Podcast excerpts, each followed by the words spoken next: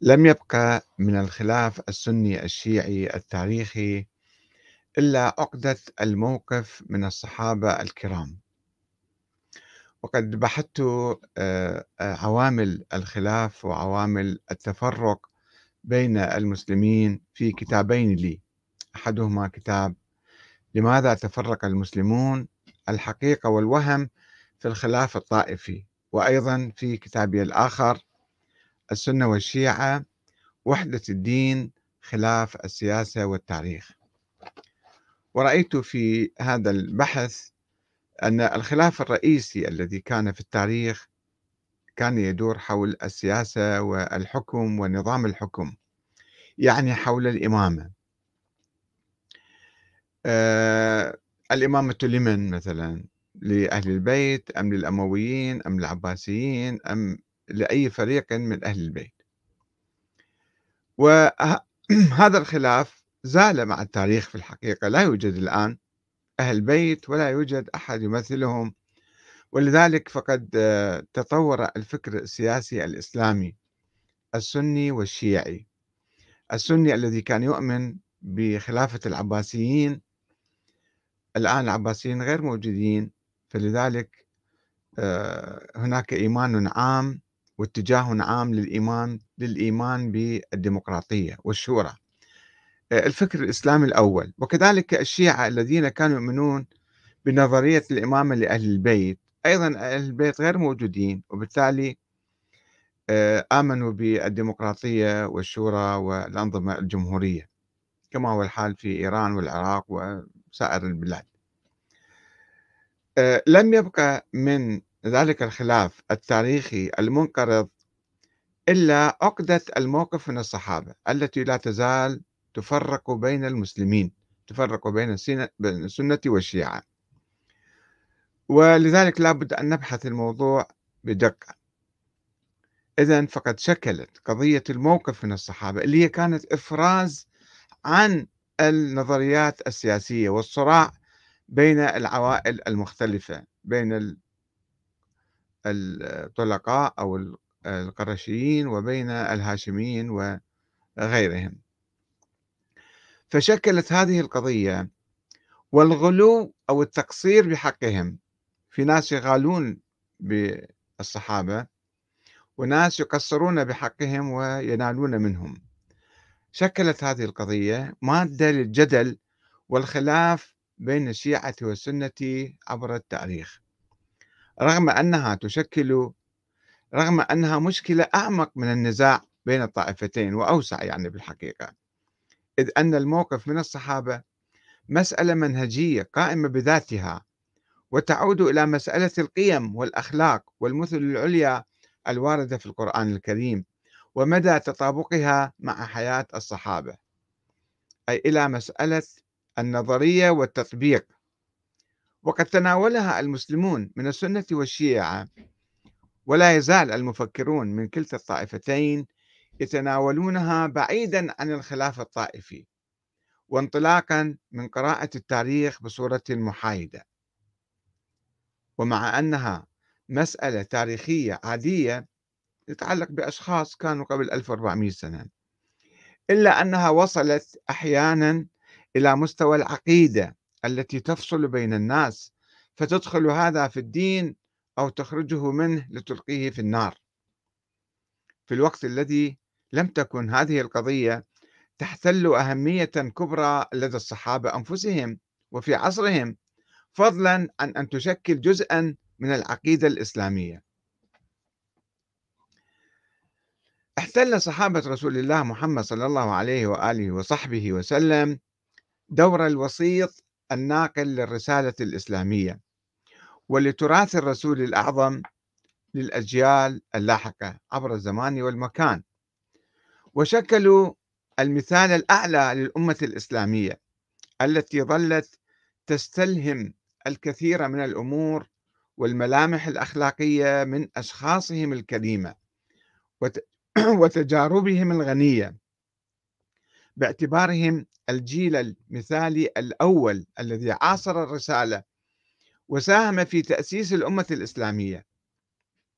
وقد استحق الصحابة لعظم جهادهم أن يمدحهم الله تعالى في كتابه الكريم في أكثر من موضع حيث قال تعالى كنتم خير أمة أخرجت للناس تأمرون بالمعروف وتنهون عن المنكر وتؤمنون بالله آل عمران 110 وقال تعالى والسابقون الأولون من المهاجرين والأنصار والذين اتبعوهم بإحسان رضي الله عنهم ورضوا عنه وأعد, وأعد لهم جنات تجري تحتها الأنهار خالدين فيها أبدا. ذلك الفوز العظيم.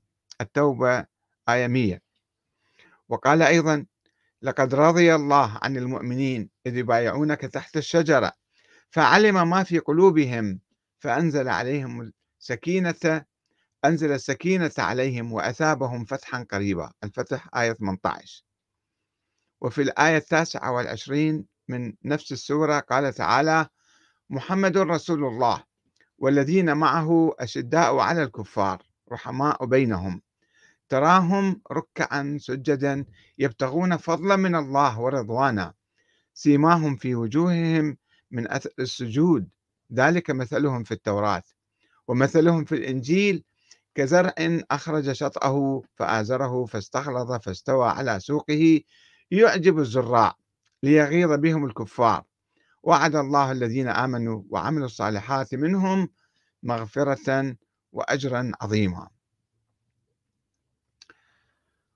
ولكن مع الأسف الشديد رغم كل هذه الآيات ونظرا للفتنة الكبرى التي حدثت في أيامهم.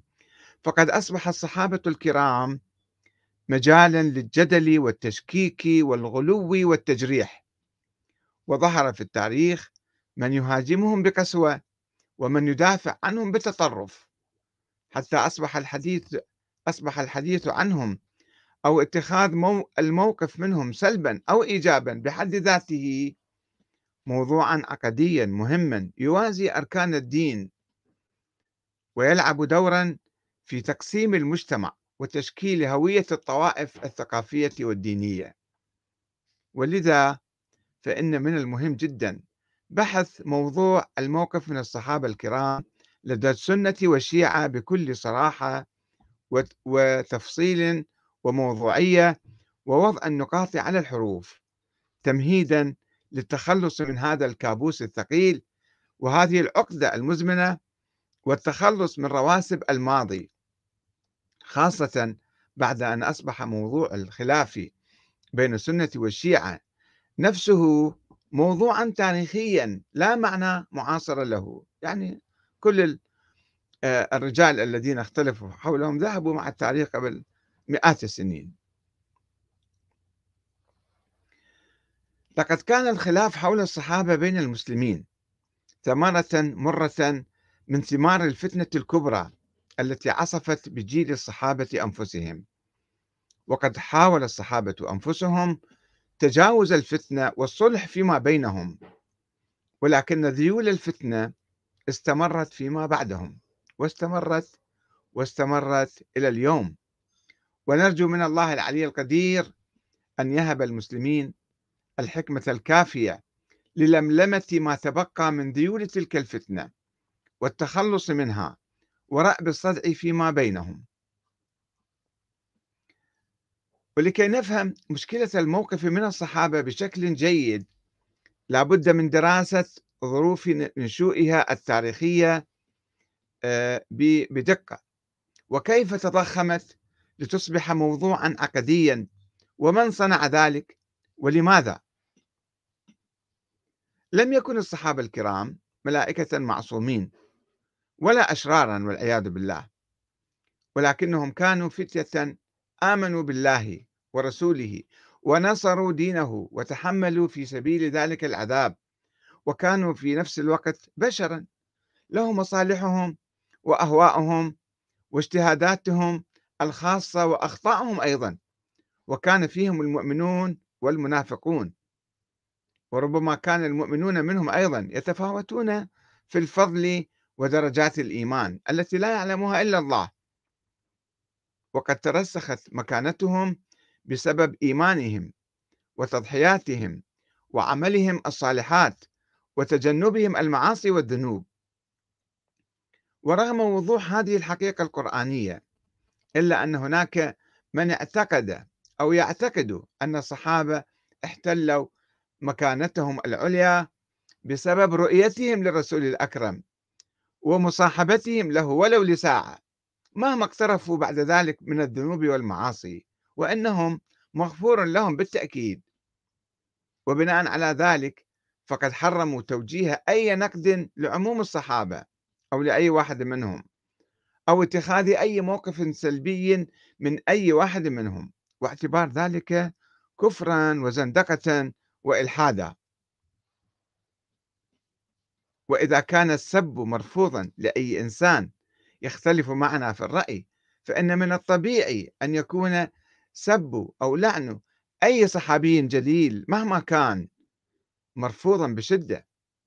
ولكن ذلك لا يمنع من قراءة التاريخ بأمانة وتحليل الأحداث التي وقعت بين الصحابة وأخذ العبرة منها وتعظيم الإنجازات الرائعة والبطولات الباهرة التي قام بها الصحابة الكرام وتجنب الأخطاء التي وقع فيها البعض منهم.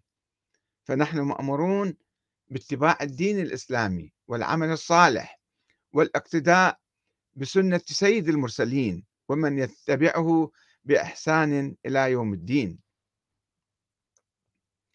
أن المشكلة في مسألة الصحابة تنبع من المتطرفين من السنة والشيعة. وقيام بعض هؤلاء بالتهجم على خيار الصحابة وقيام بعض أولئك بالدفاع حتى عن السيئين منهم. هذا إذا كانوا يعترفون بوجود سيئين أو منافقين فيهم. ولو كان الطرفان يتفقان على وجود قاسم مشترك يميز بين الصالحين والطالحين لما كانت هناك حاجة للحديث عن الموضوع. ولما كانت هنالك أي إثارة أو توتر حول هذا الموضوع.